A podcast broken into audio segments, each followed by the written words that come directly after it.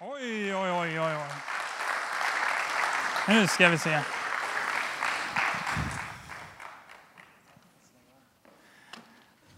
Det är så. Ja, visst blir man lite glad? Ja. Jag känner ju att man vill dansa lite sådär när man känner den musiken. Och spe speciellt när Leffe, när du drog det pianogrejen i början, va? Då får man ju svårt att sitta still. Ja, är det inte så? Är det inte så lätt att du skulle kunna känna lite på det bara? Ja, ja men sätt dig lite där på pianot så. Kan vi inte ställa oss upp tillsammans? Och så just det där gunget bara, så kanske man kan röra oss lite till musiken. Ska se om vi klarar av det. Ja, får se lite nu då. Åh! Ja, får se lite dans här i kyrkan nu då.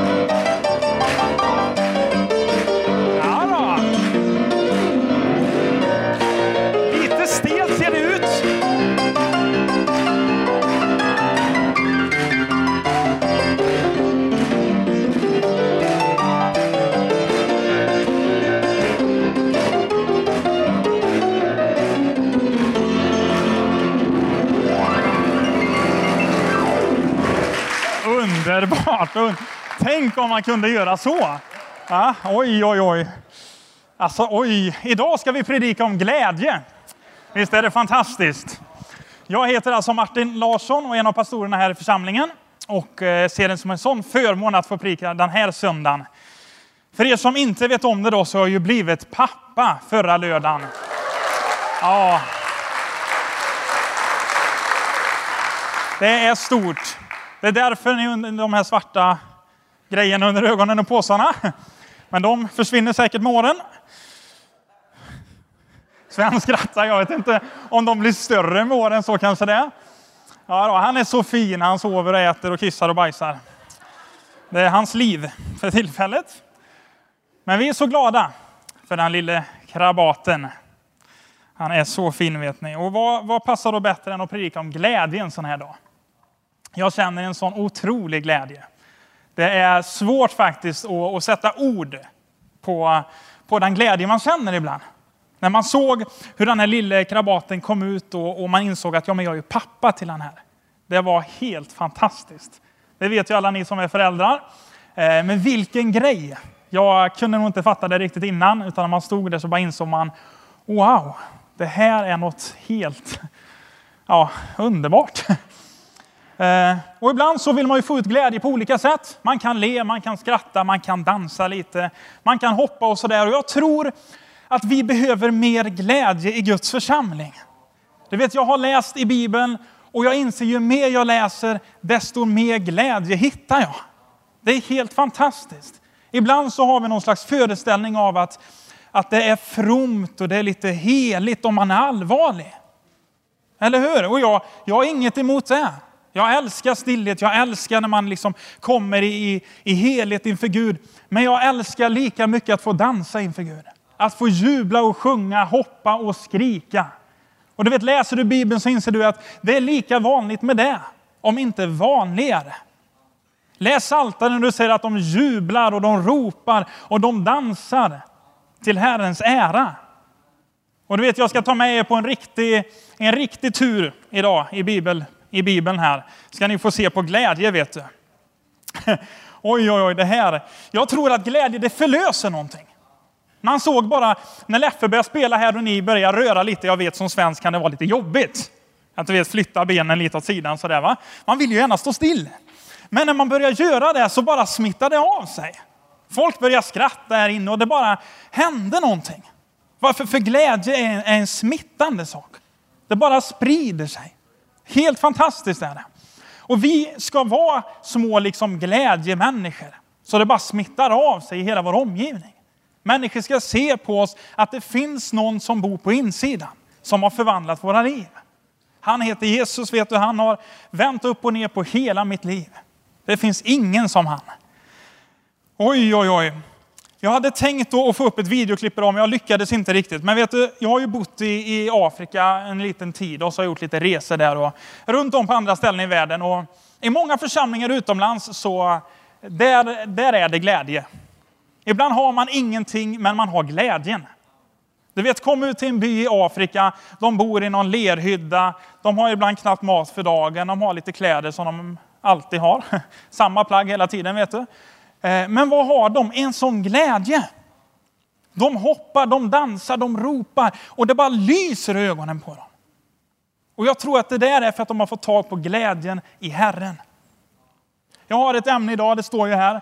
Glädje och i Nehemja kapitel 8, vers 10 så står det att glädje i Herren är er starkhet. Att få tag på glädjen i Herren, det ger en styrka i livet. En otrolig kraft som bara hjälper dig. Men inte vilken glädje som helst, utan glädje i Herren. Det är det som förlöser någonting. Men jag tänkte här att jag skulle bara, det är inte säkert man vet vad glädje är för någonting. Vet alla det? Nej, som jag trodde. Jag slog upp det på en säker källa, Wikipedia. Och då står det så här. Glädje är ett känslotillstånd av tillfredsställdhet. Det är alltså ett känslotillstånd när man är till, alltså av tillfredsställdhet. Tänk dig när jag är tillfredsställd av någonting, då är det ganska skönt sådär. Ett sådant känslotillstånd hela tiden. Visst är det fantastiskt? Vem vill inte vara glad? Det blir en konstig fråga. Vem vill inte vara glad? Ja, ja. Eh, det står också så här, när man är glad eh, är man lycklig eller road och det är en positiv känsla. Då har vi klargjort det här. Glädje är ingenting negativt. Det är inget jobbigt utan det är någonting positivt. Människor uttrycker ofta glädje genom att le. Och det står att välja glädje är möjligt. Och det här är en viktig sak vi ska komma till sen. Att välja glädje är möjligt. Du kan alltså välja att vara glad eller du kan välja att inte vara glad. Det är inte bara någonting som kommer över en, det är ett val man gör. Och just glädje i Herren blir då en starkhet. Ju mer medveten du blir, desto lättare kan du skapa glädje i tillvaron.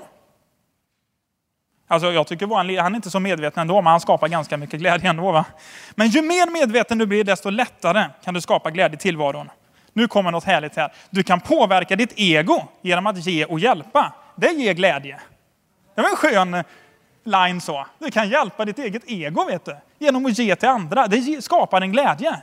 Och det står till och med att enligt svenska glädjeforskare, tänk att vara en forskare i glädje. Det måste vara ett skönt jobb. Vad jobbar du med? Jag forskar i glädje. Härligt. Enligt svenska glädjeforskare är givandet till ens omgivning en stark anledning till glädje. Att hjälpa andra och ge till andra skapar en glädje. Det har forskare upptäckt och då är det ju starkt. Vet du. Det är inte bara jag som säger det, va? det är jag och forskarna. Just det. Eh, motsatser till glädje kan vara sorg och vrede. Då har vi klargjort, vad är glädje för någonting? Ja, men det är ju det jag har sagt precis. Eh, var hittar man då sin glädje någonstans? Man kan hitta den i massa olika grejer. Man kan hitta sin glädje i, ja vissa genom liksom tv-tittande, någon humorserie kan skapa glädje, eller någon film eller sådär. Tillfällig glädje genom idrott. Börna vet ni. Kom det igen. Där kan man hitta glädje. Sjunga Börna be tillsammans skapar en viss glädje. Att göra mål skapar glädje. När man lyckas uppnå någonting, det kan skapa en glädje. Man har liksom uppsatt ett mål. Jag ska klara att springa milen eller jag ska inte äta godis på ett halvår. När man klarar det så uppnår det ofta glädje. Eh, man kan uppnå glädje genom att eh, göra ett bra framträdande. Som musiker kanske, eller dansa någonting. Man lyckas sätta precis allting så skapar det en tillfredsställelse, en glädje. När man äntligen, skrev jag, lyckas få på, du vet, när spöet bara smäller till sig och man får på den där regnbågen på många, många kilon. Det skapar en glädje. Det är nästan så tårarna kommer då, vet du. Ah, det är något helt fantastiskt. Relationer, upplevelser, äventyr, resor, pengar, prylar, teknik. Det finns massa grejer som kan skapa glädje. Men vet du, de här grejerna skapar ofta en tillfällig glädje. En glädje som bara varar för just den här stunden. En glädje som inte är mer än precis då det händer. Och jag minns en gång, jag får nästan ta det, jag vet inte ens om Simon kommer ihåg det, men det var förra säsongen. Nu tar jag en Borgunda-grej här igen. Men den är så härlig. För jag tror det var en A eller B-lagsmatch i Borgunda. Va? Och så spelade vi och så kom det, jag spelade eh, mittfält tror jag, de anfallare. Så kommer Jasmin, en av våra gubbar, på vänsterkanten. Och så har han hela kanten fri vet ni. Och han bara springer förbi gubbe efter gubbe. Och så kommer jag i mitten vet du. Och ser, jag är helt ren. Och jag ser det är ett inlägg på gång. Då bara det börjar pumpa adrenalin i kroppen sådär va. Och så ser jag han kommer lägga ett inlägg. Ja, det här kommer bli liksom helt maxat tänkte jag. Och jag ser, och det, vet, det går nästan som i slow motion sådär. Jag ser hur inlägget kommer och jag måste ta beslutet typ, ta ner, för jag är helt ren va, ta ner bollen eller göra det där, klippa till på volley. Och du vet, då, då kan det ju för en så pass rutinerad spelare som mig, den kan komma lite vart som helst då. Det är inte alltid den kommer liksom där man vill att den ska komma. Men jag tänkte, jag gör chansningen. Och så kommer bollen där och jag kliver fram och så klipper jag till på volley i bortre sidan i målet. Och du vet, det blir ett sånt jubel. Ja, det var oh, riktigt så. Jag tänkte, jag fattade knappt att det var sant. Har jag gjort mål där tänkte jag. Träffade jag bollen och den gick in. Eh, och det gjorde den vet du. Men, men inte, inte ens det varade så länge den där glädjen. Är ni med? Dagen efter så kom ju ingen annan ihåg i laget men än jag. Bara yes, kom ni ihåg målet? Vilket mål? Men kom an, det var ju liksom i stort sett säsongens snyggaste mål. Så här. Men det är ju inga som tittar på Börna heller i stort sett. Så det är ingen annan som kan bevittna det hela. Va? Jag vet inte ens om Simon kommer ihåg. Du kommer ihåg målet? Ja, det finns någon som gör det vet du. Ja, men det var glädje i alla fall. Det var så härligt. Men den glädjen den varar ju inte för evigt. Det är bara en, en kort stund. Och det är de som var med då, så det blir inte mycket mer än det. Men att hitta glädjen i Herren, det blir något helt annat. Det blir en, stark, en starkhet, en styrka i livet. Eh, och Bibeln säger då, som vi läste i Nehemja, att, att glädje i Herren är vår starkhet. Jag tänkte börja med Eh, att lägga upp några grejer. Och Guds vilja är att vi ska vara glada. Och jag ska läsa, nu ska vi ta, nu ska vi se, har ni biblarna med er idag? Underbart! Annars kanske ni har telefoner eller något annat med biblarna på. I Johannes evangeliet kapitel 15 och vers 11. Så ska vi se här. Nu kom det fram massa grejer på en gång, men det gör inget vet ni. Vi tar det från början. Johannes kapitel 15 och vers 11. Det är Jesus som undervisar lärjungarna. Och då säger han så här till dem. Eh, att detta har jag talat till er för att min glädje ska vara i er och för att er glädje ska bli fullkomlig. Jesus säger till lärjungarna, detta har jag talat till er ett långt tal. Och så säger han, för att min glädje ska vara i er och för att er glädje ska bli fullkomlig. Gud längtar efter att din och min glädje ska bli fullkomlig. Gud längtar efter att Jesu glädje ska vara i våra liv. Och att den glädjen ska få bara växa sig större och större. Guds vilja är att vi ska vara glada. Om vi fortsätter framåt till kapitel 16 och vers 24. Så är det Jesus som fortsätter och han säger så här att hittills har ni inte bett om något i mitt namn. Be då ni skall få för att er glädje ska vara fullkomlig. Gud vill alltså att vår glädje ska vara fullkomlig. Han säger hittills har ni inte bett om något i mitt namn. Men be för att er glädje ska bli fullkomlig. Han har gett dig och mig bönens kraft. Varför då? För att vi ska be och få se bönesvar så att vår glädje blir fullkomlig. Inte blir man glad när man ber och ingenting händer. Men när man ber och får se ett böneämne bli ett bönesvar, då jublar man. Och Jesus älskar den glädjen. Och han säger be för att er glädje ska bli fullkomlig.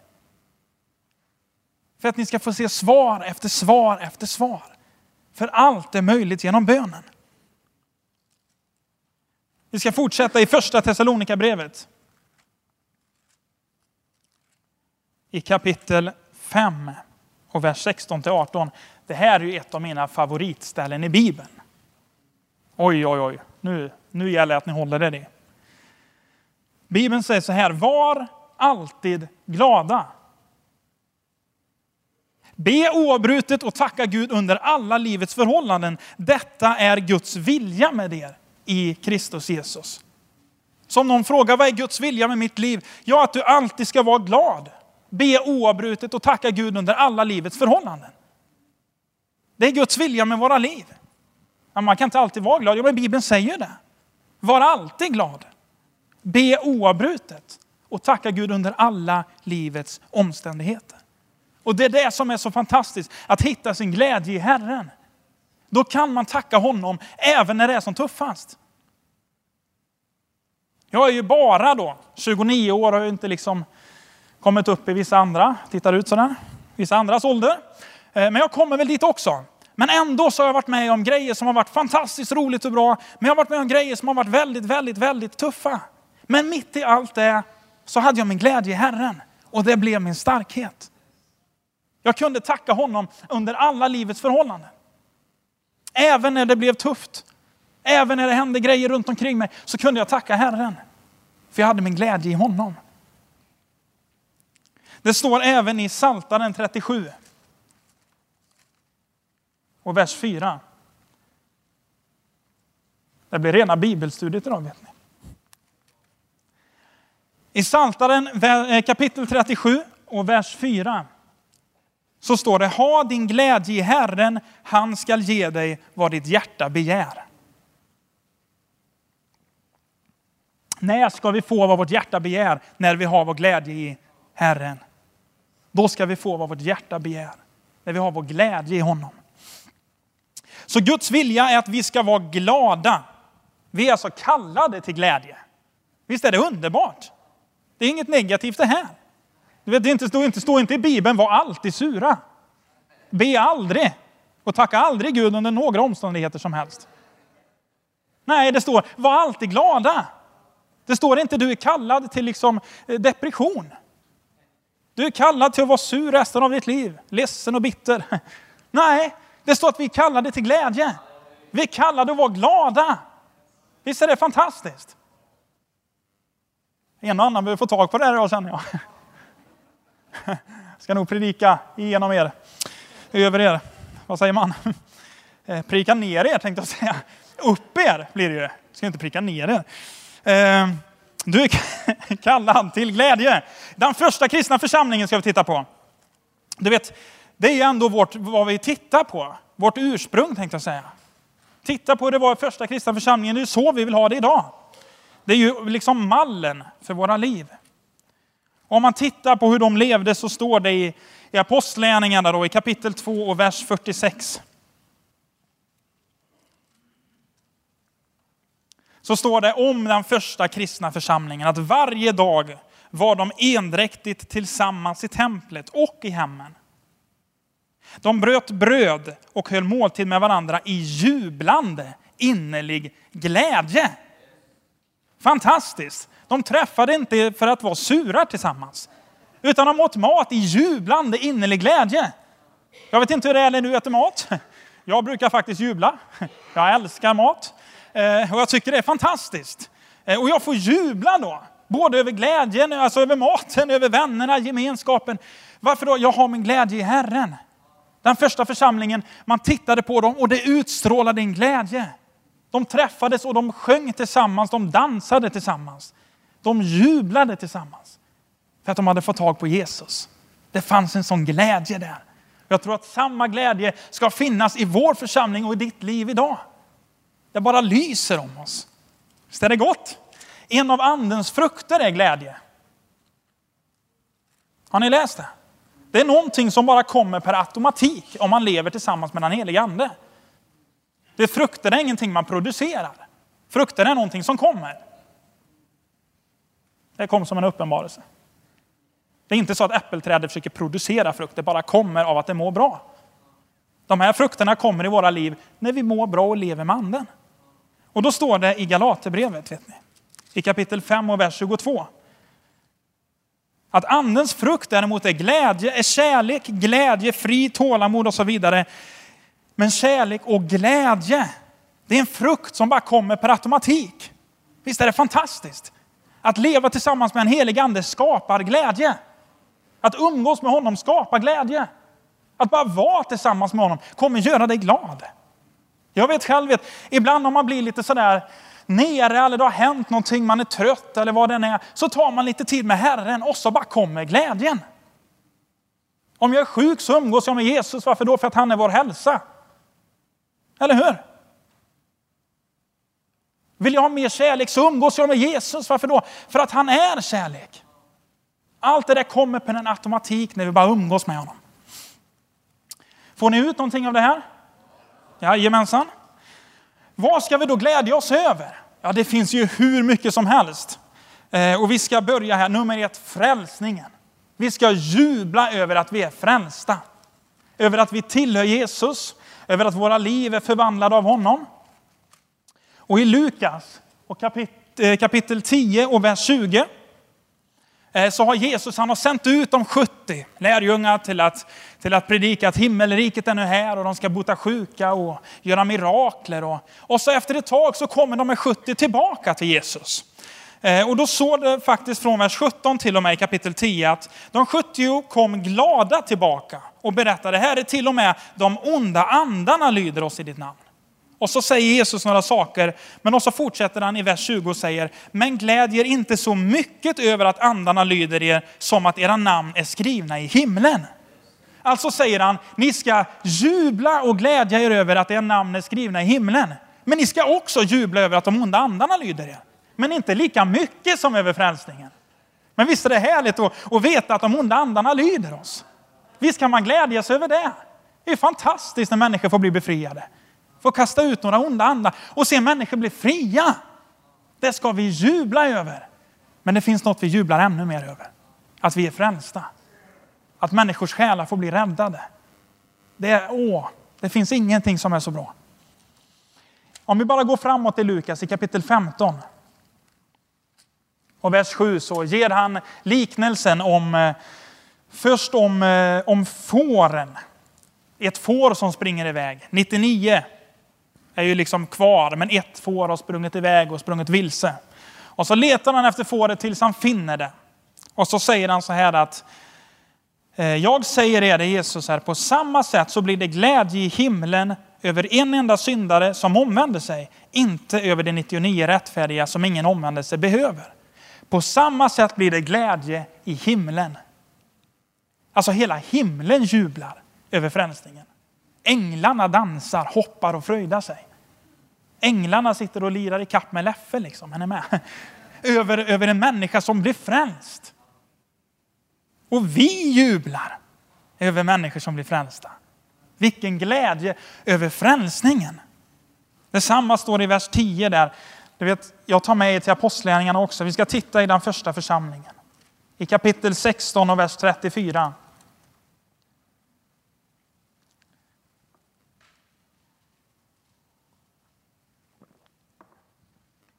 Utan bara den här berättelsen där Paulus och Silas de har precis kastat ut en ond ande.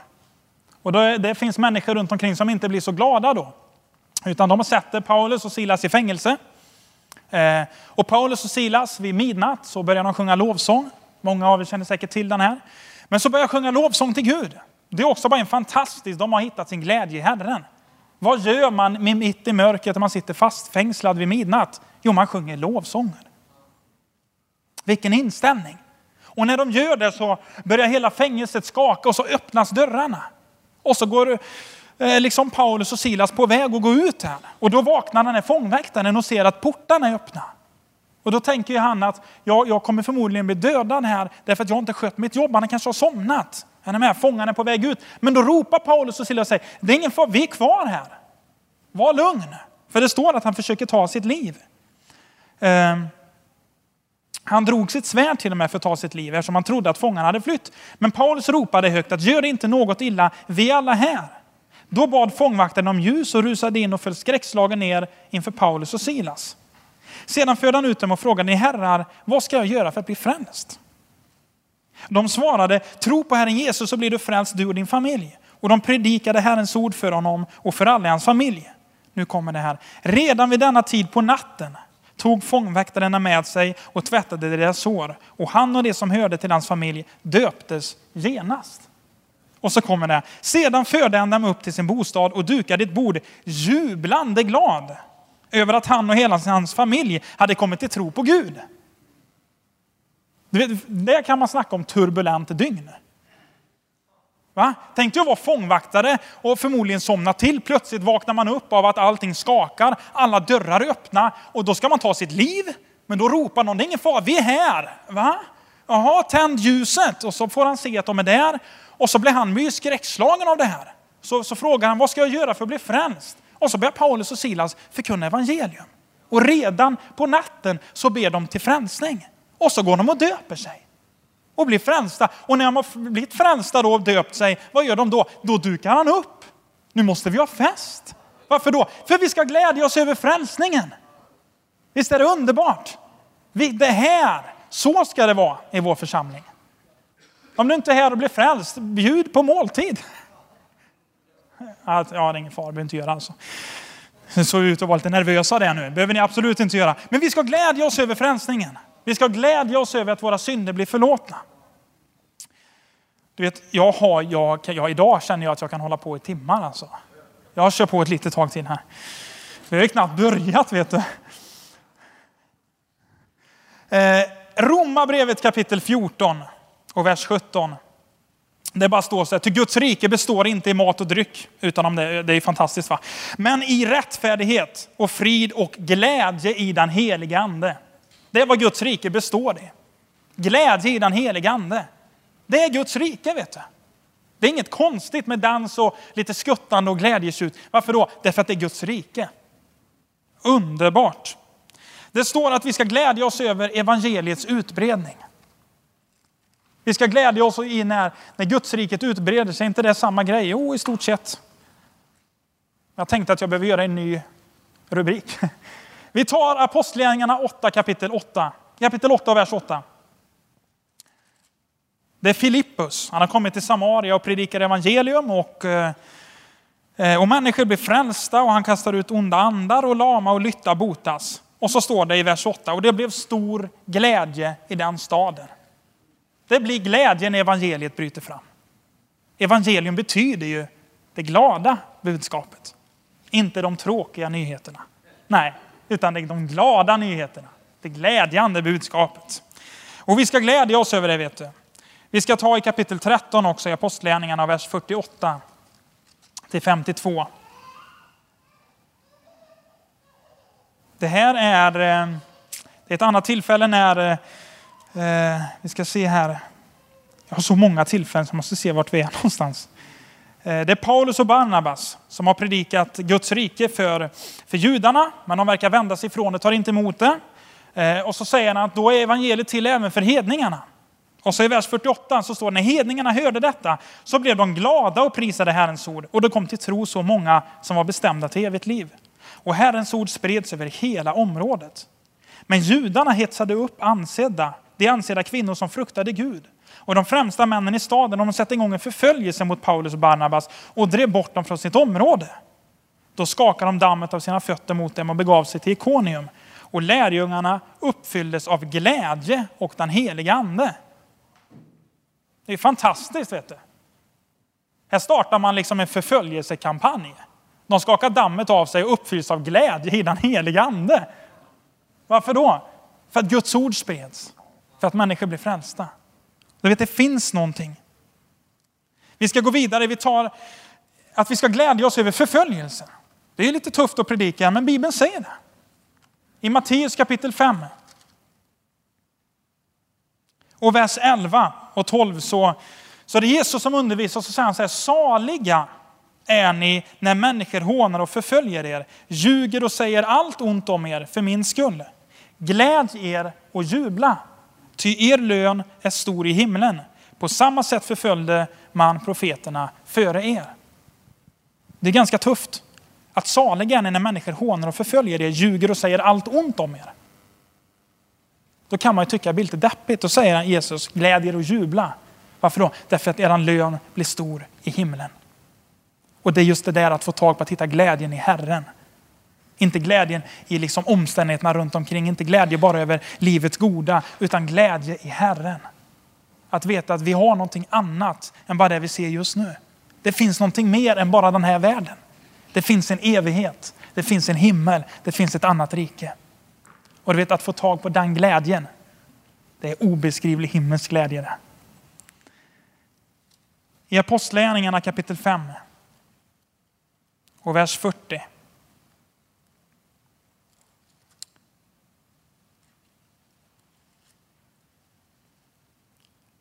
Till 42 så är det än en gång apostlarna som har gjort under och tecken.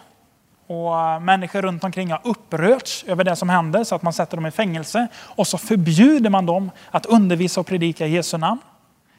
Eh, och från vers eh, 39 så, så kan vi läsa hur vad rådsherrarna säger, säger här när de har möte. Men om det är av Gud så kan ni inte slå ner dem. Kanske visar det sig att ni strider mot Gud. Det är en av dem som säger till de andra i rådet här. Och de lät sig övertygas. De kallade in apostlarna, lät piska dem och förbjöd dem att tala i Jesu namn. Sedan släpptes de fria. Och apostlarna gick ut från Stora rådet, glada över att de ansetts värdiga att lida smälek för namnets skull. Varje dag undervisade de i templet och hemma i husen och predikade glada budskapet att Jesus är Messias. De blev misshandlade, de blev torterade och så släpptes de fria och så står det glada gick de ut för att de hade ansetts värdiga att lida smälek för namnens skull. Kan du förstå att hitta, att hitta glädjen i att, att vi har varit värdiga att bära Jesu märken på våra kroppar? De hittade en glädje i att faktiskt bli slagna. Varför då? Därför att de visste att de hade någonting mer. De hade någonting bättre. Det fortsätter, jag ska inte ta Eh, alla, alla bibelord här, men eh, du ser dem ju på skärmen om du vill skriva upp dem. Eh, det finns en risk vet du, att jag kan, kan mala på länge annars. Det finns så mycket vet du, Guds ord. Alltså, du vet, jag blir helt salig när jag står här. Det här, det här är bra grejer. Jag hittade ett klipp också på Youtube, det är nästan ni ska söka på det, om, vad heter han nu? Brother Franklin. Skriv Brother Franklin i Youtube. Då ska ni få se på en kille som, som eh, praktiserar nästa bibelord här. Eh, I andra Korinthierbrevet kapitel 9 och vers 7 eh, så säger ju Paulus när han undervisar att var och en må ge vad han har beslutat sig för i sitt hjärta, inte med, tvång, inte med olust eller av tvång. Till Gud älskar en glad givare. Bibeln undervisar oss att vi ska inte ge för att vi måste ge, utan vi ska ge det för att vi älskar att ge. Och den här eh, Brother eh, Franklin, tror jag han heter, ja. han, eh, det är en afrikan givetvis, vem annars? När det är offergång i Afrika, ni måste ju, alltså åh, att jag inte hade det klippet. Du vet, han börjar dansa. Va? Han står säkert en minut framför den här offerkorgen de har där framför och bara står och dansar. För att han är så glad att få ge pengar till Herrens verk. Och så lägger han i dem och sen går han tillbaka igen. Och man bara ser på honom att han, han skiner, han dansar och njuter. Varför då? Därför att han älskar att få vara med och ge. Vi ska hitta en glädje att ge. Jag tycker det är fantastiskt att få vara med och ge till Guds verk. Jag älskar att få ta pengar och ge till Guds rike. Varför då? Därför att jag vill ge tillbaka lite av vad han har gett till mig. Det är fantastiskt. Bli glad över att få ge till Guds rike. Vi ska glädja oss också över andras glädje. Ibland säger man väl delad glädje, dubbel glädje. Romarbrevet kapitel 12 och vers 15 säger att glädje med dem som är glada och gråt med dem som gråter. Glädjer med dem som är glada. Är någon annan glad, var glad tillsammans med den. Sura inte ihop och tänk, men varför fick den det så bra nu då? Varför skulle den lyckas? Glädje med dem som är glada. Är det någon som har lyckats, var glad tillsammans med den som har lyckats då. Är det någon som har fått jobb, glädje tillsammans med den som har fått jobb. Eller hur? Dela varandras glädje.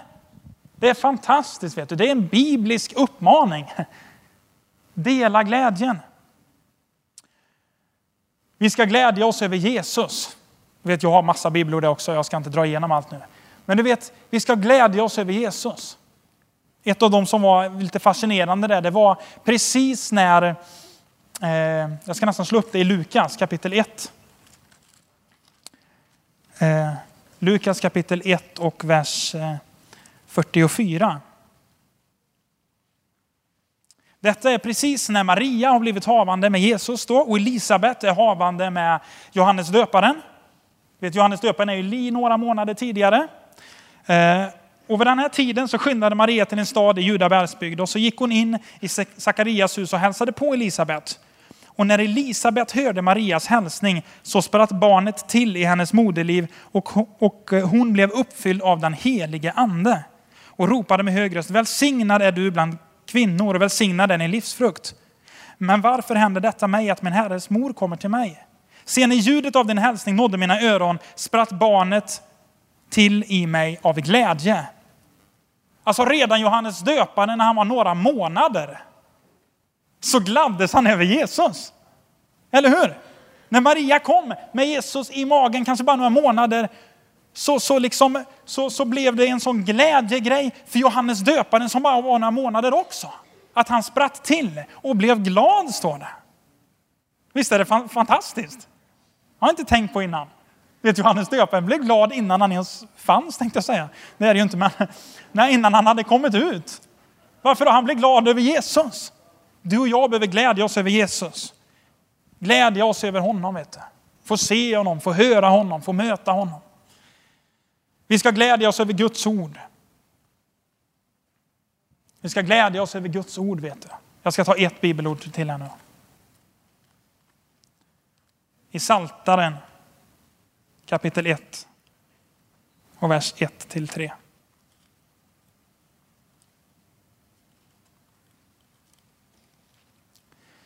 Salig är den som inte följer det ogudaktigas råd och inte går på syndares väg eller sitter bland bespottare, utan har sin glädje i Herrens undervisning och begrundar hans ord dag och natt.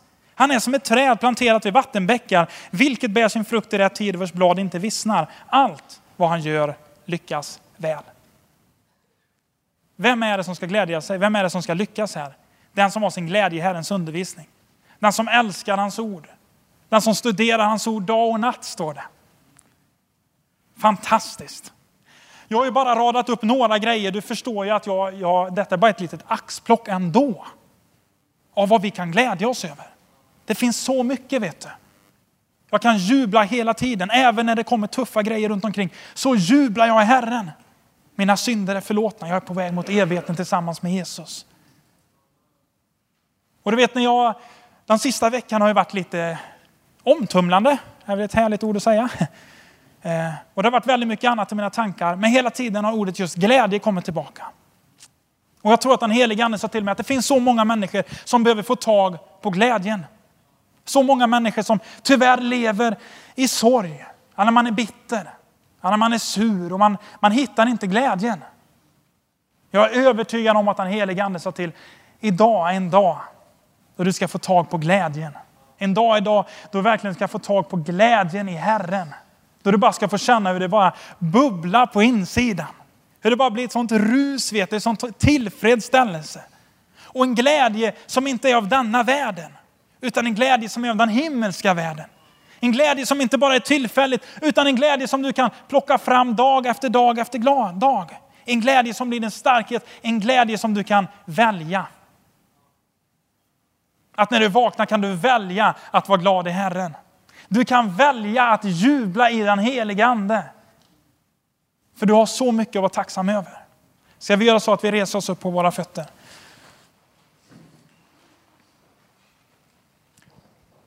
Vi går mot slutet här. Musikerna får jättegärna komma fram här. Det är inte alltid, vill jag också bara säga, människor som jublar när en annan är glad. Vid ett tillfälle så skulle Israels folk föra tillbaka Guds ark.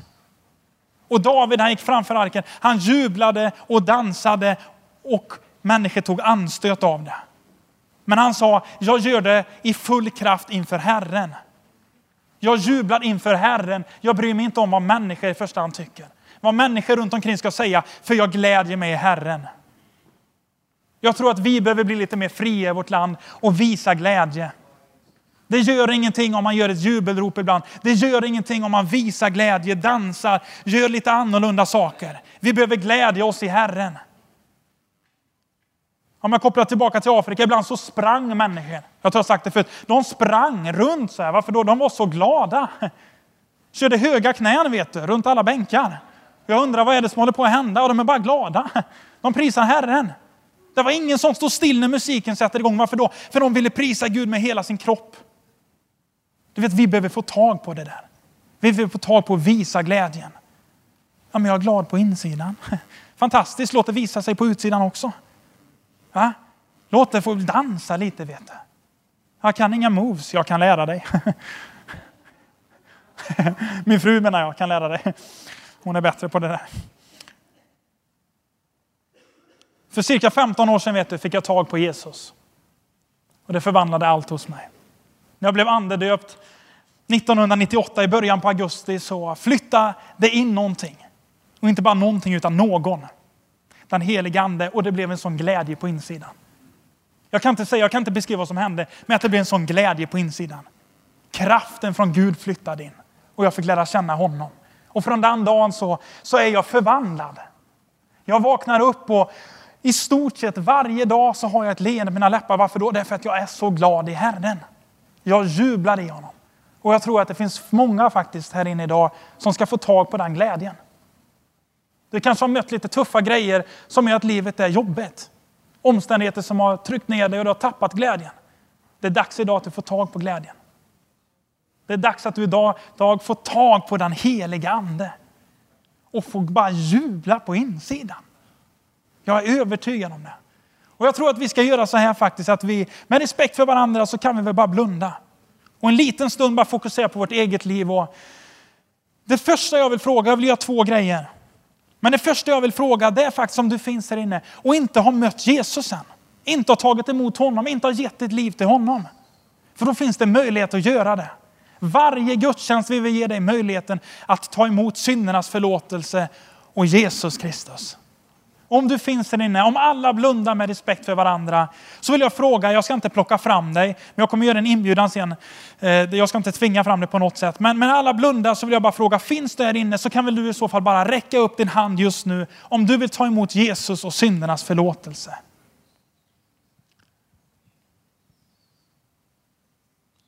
Tack Jesus, det är några händer som går upp. Finns det någon mer som säger att ja, men jag vill ta emot Jesus idag. Jag vill ta emot syndernas förlåtelse. Jag vill lära känna den där Jesus du pratar om.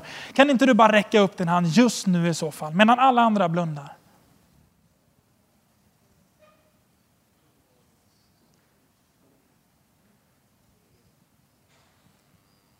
Jag vill fråga en gång till bara. Finns det inne så räck upp din hand just nu i så fall. Alla andra blundar.